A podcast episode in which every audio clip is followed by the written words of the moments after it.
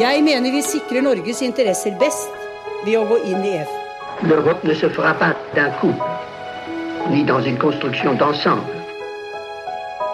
Das beste Mittel, um eine Politik zu treiben, die sich auf Vertrauen und Dette er ikke noe vanlig samarbeid mellom selvstendige nasjoner. Dette er en sterk og dyp integrasjon. No, no,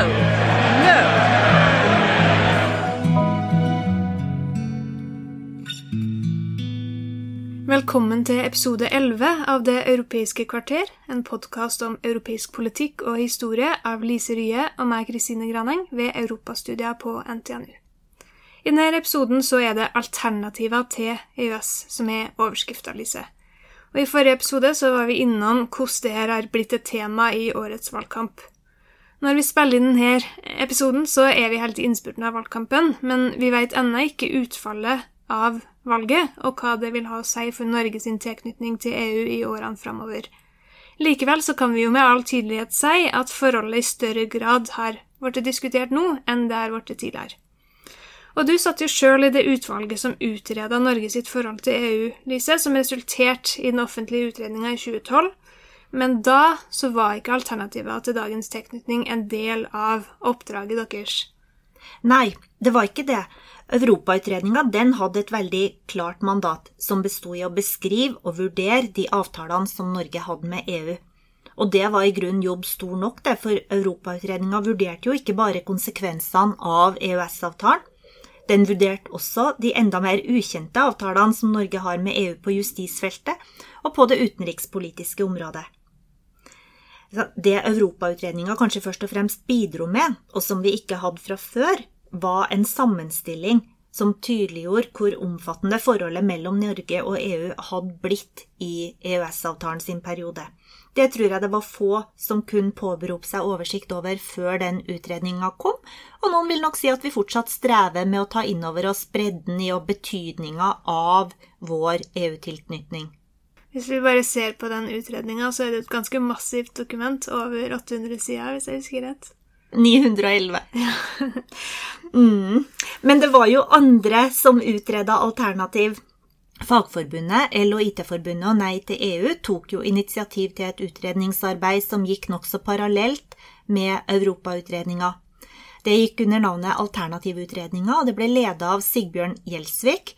Og dem så både på hvordan EØS-avtalen kunne forbedres, og på alternativer til EØS som f.eks. det å drive internasjonal handel på basis av WTO-regelverket, altså Verdens handelsorganisasjon. Men det er en vanskelig øvelse å utrede hvordan noe kan bli. Det er mye lettere å vurdere noe som faktisk eksisterer, enn det er å vurdere noe som ikke er en realitet. Alternativutredninga det var vel et svar på en misnøye med at Europautredninga ikke omfatter alternativer til EØS.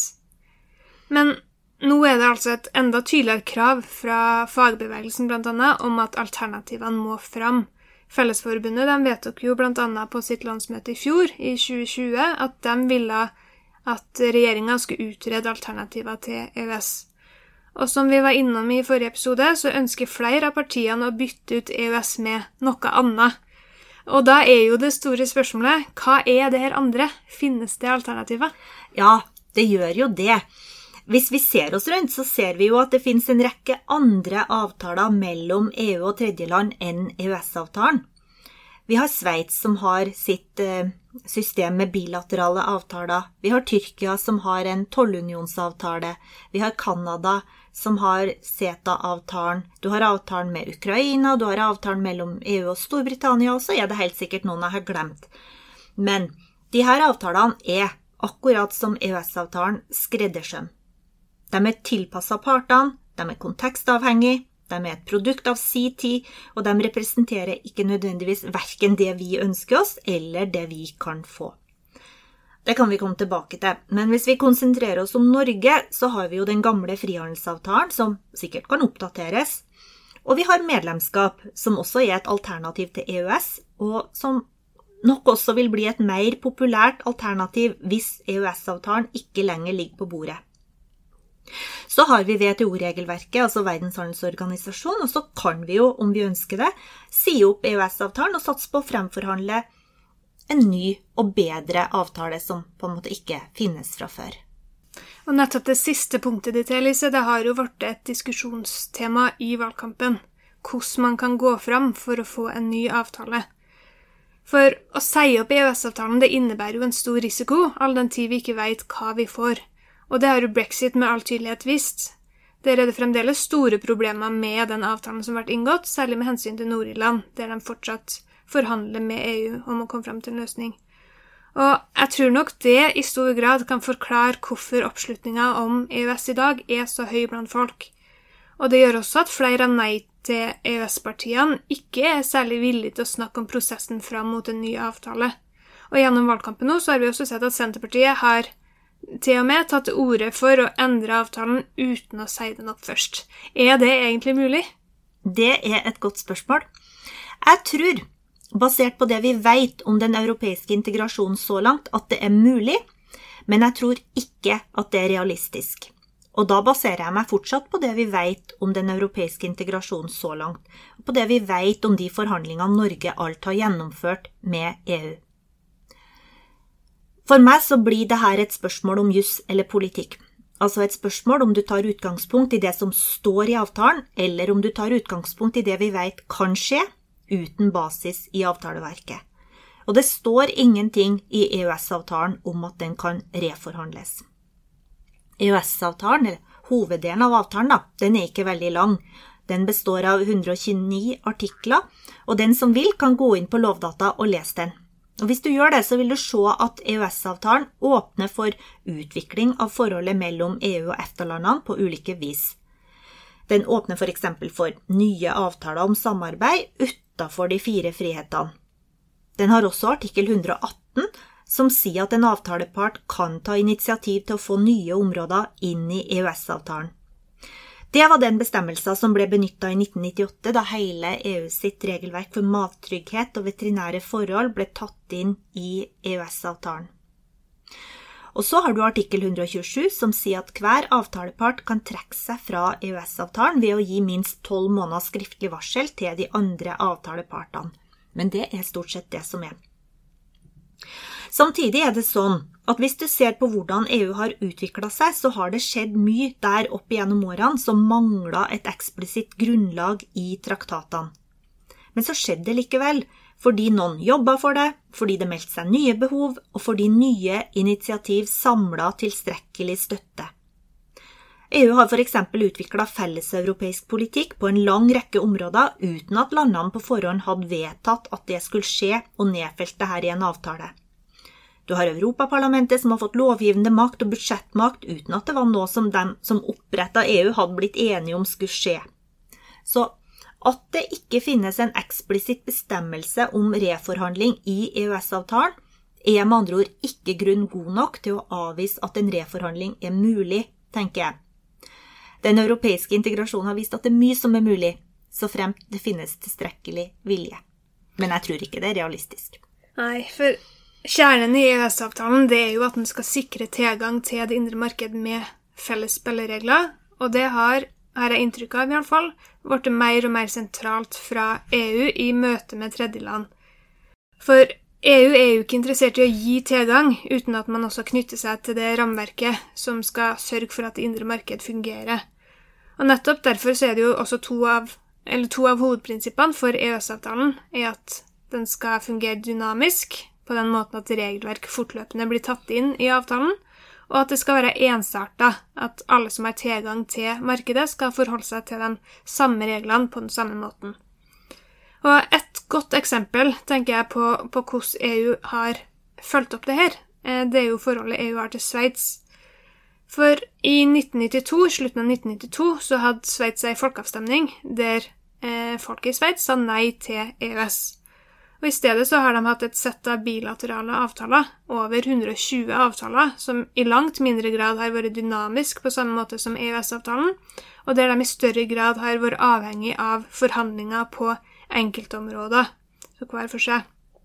Og EU har gitt veldig tydelig signal om at de har vært mindre fornøyd med denne løsninga, nettopp fordi den er så tungrodd. Og EU har derfor ønska seg en løsning med et mer overordna institusjonelt rammeverk. Og forhandlingene starta for, for, nesten ti år siden, og i løpet av denne perioden så har jo ikke kravene fra EU blitt mindre heller. Brexit-forhandlingene gikk jo parallelt, og da, da gjorde det at det ble vanskeligere for for EU å, å kanskje løsne ut på snippen. Men etter nesten ti år med forhandlinger så endte det med at Sveits valgte å ikke signere avtalen de kom frem til, og avslutta forhandlingene i mai i år. Så for Sveits så synes verken EØS eller en tettere tilknytning enn dagens å være en god løsning. Men hva med oss, da? Kan, går det an at vi får en bedre avtale enn den vi har i dag? Det spørs jo hva du mener med bedre, Kristine. For hvis ambisjonen er å få en avtale som er bedre fra et demokratisk perspektiv, altså en avtale som ikke innebærer at vi overtar lover som vi ikke har vært med på å vedta, så tenker jeg at svaret er ja. Det vil vi jo få ved å gå tilbake til den gamle handelsavtalen vi hadde før EØS-avtalen. Men hvis du med bedre mener en avtale som både gir oss adgang til EUs indre marked på lik linje med EU-land, og som ikke innebærer at vi forplikter oss til å overta alt av EUs regelverk, altså det EØS-relevante regelverket, så tenker jeg at svaret er nei. Ut fra det vi vet om EUs linje i denne typen spørsmål, og det vet vi ganske mye om, eh, for det har vært et tema eh, egentlig like lenge som EU har eksistert, så er ikke det realistisk. Derfor tenker jeg at det ville ha vært en fordel for det politiske ordskiftet om dem som går inn for å forbedre EØS-avtalen, var tydeligere på hva de mente. For jeg tror jo egentlig at de vet at vi vil kan få en avtale som er bedre fra et politisk, demokratisk perspektiv, men som er dårligere fra et økonomisk perspektiv. Og det kan man like gjerne si høyt, for hvis man ikke gjør det, så kan jo noen fort bli leda til å tro at det er mulig å få en avtale som både gir oss medbestemmelse og full adgang til det indre marked på lik linje med EU-medlemmer. Og det er det altså ikke. Og det holder jeg absolutt med deg, Lise. Eh, men du som kjenner godt til EØS-forhandlingene, hvorfor var det ikke mulig å komme frem til en bedre avtale da, eh, med tanke på demokratiet? Mm. Ja, EØS-avtalen den er jo god i den forstand at den ga akkurat det som norske regjeringer ba om. Deltakelse i det indre marked på lik linje med EUs medlemsland. Samtidig kan vi ikke være overraska, tenker jeg, over at vi ikke har anledning til å være med å vedta EU-regelverk all den tid vi ikke ønsker å være medlem av EU. Det er to forhold som er viktig å ta med seg her, sånn som jeg ser det. Og Det ene er at EU alltid har hegna om sin selvråderett. EU har alltid operert på grunnlag av prinsippet om at EUs beslutninger skal tas av EU, altså av medlemsstatene sine representanter og av de overstatlige EU-institusjonene. EU opererer også med andre prinsipp om at samarbeid med tredjeland ikke må stå i veien for EU sin egen utvikling, og at samarbeid må gi en rimelig balanse mellom fordeler og ulemper. Det er derfor vi har EØS-midlene. Men for å konsentrere oss om det her med selvråderetten For EU er det, og det har alltid vært, et prinsipp at EUs politikk skal vedtas av EU sine medlemmer, og bare av EU sine medlemmer.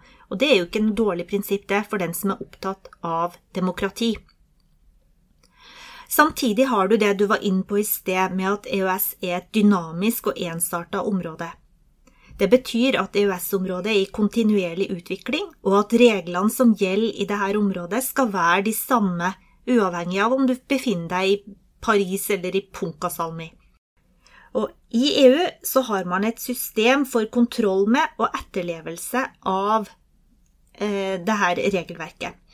Og EU har derfor krevd at ikke-medlemmer som ønsker å være en del av EUs indre marked, matcher dette med egne system for kontroll og etterlevelse.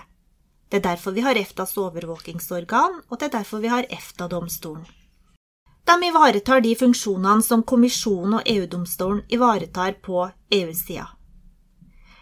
Og begge de her aspektene, altså hegninga om eh, beslutningsautonomien eller selvråderetten, og vektlegginga av at det skal være like spilleregler, er helt definerende trekk ved EU-samarbeidet, som EU før ikke har vært villig til å rokke ved, og derfor så tror ikke jeg at de vil være det nå heller. Og så må vi nevne en annen faktor som vil bidra til å gjøre nye forhandlinger med EU vanskelig, og det er at vi vil være avhengig av å få alle medlemsstatene om bord. Og det var vanskelig nok den gangen EØS-avtalen ble forhandla fram, da EU var mye mindre. Og det vil være enda vanskeligere i dag, hvor medlemsstatene ikke bare er langt flere, men nå veldig mye mer mangfoldig enn det de var på begynnelsen av 1990-tallet. Alle, bortsett fra Luxembourg, er også fattigere enn oss, og hvorfor skulle de være villige til å gi oss en avtale som styrker oss på bekostning av dem? Hva tenker du om de andre avtalene EU har med tredjeland, Lise? Er det noen av dem her som kan fungere for Norge? Jeg tenker at mange av disse avtalene ikke vil være interessante for Norge. Ehm, ta Canada sin avtale. Den inkluderer handel med landbruksvarer. Ehm, ta Tyrkia sin avtale. Den inkluderer ikke basis landbruksvarer, men den inkluderer heller ikke handel med tjenester eller fri bevegelse, og det er også en ganske asymmetrisk avtale på andre måter. Så har du Storbritannia sin avtale, som kanskje er den som ligner mest på det motstanderne av EØS-avtalen er ute etter, i den forstand at den har ført nasjonal suverenitet tilbake til Storbritannia, men den har også tatt Storbritannia ut av det indre marked, som Norge alltid har ønska å være en del av, og Storbritannia er heller ikke lenger omfatta av det her veterinærregelverket, som betyr mye for f.eks. norsk eksport av fisk. Jeg tenker at det har egentlig ikke så mye for seg å diskutere hvorvidt en eller annen av disse avtalene kan overføres til Norge. For vi vil uansett måtte forhandle frem vår egen avtale. Poenget er heller at hver av de eksisterende avtalene, akkurat som EØS-avtalen, er et resultat av sin helt spesielle kontekst. Den er et resultat av styrkeforholdet mellom forhandlingspartene og av viljen til å komme hverandre i møte. Fra EUs side så har den viljen historisk sett vært stor, men det går altså noen grenser. Så oppsummert, hvis vi skal trekke noen store linjer, så kan vi vel si at det i stor grad handler om at det er en såkalt trade-off.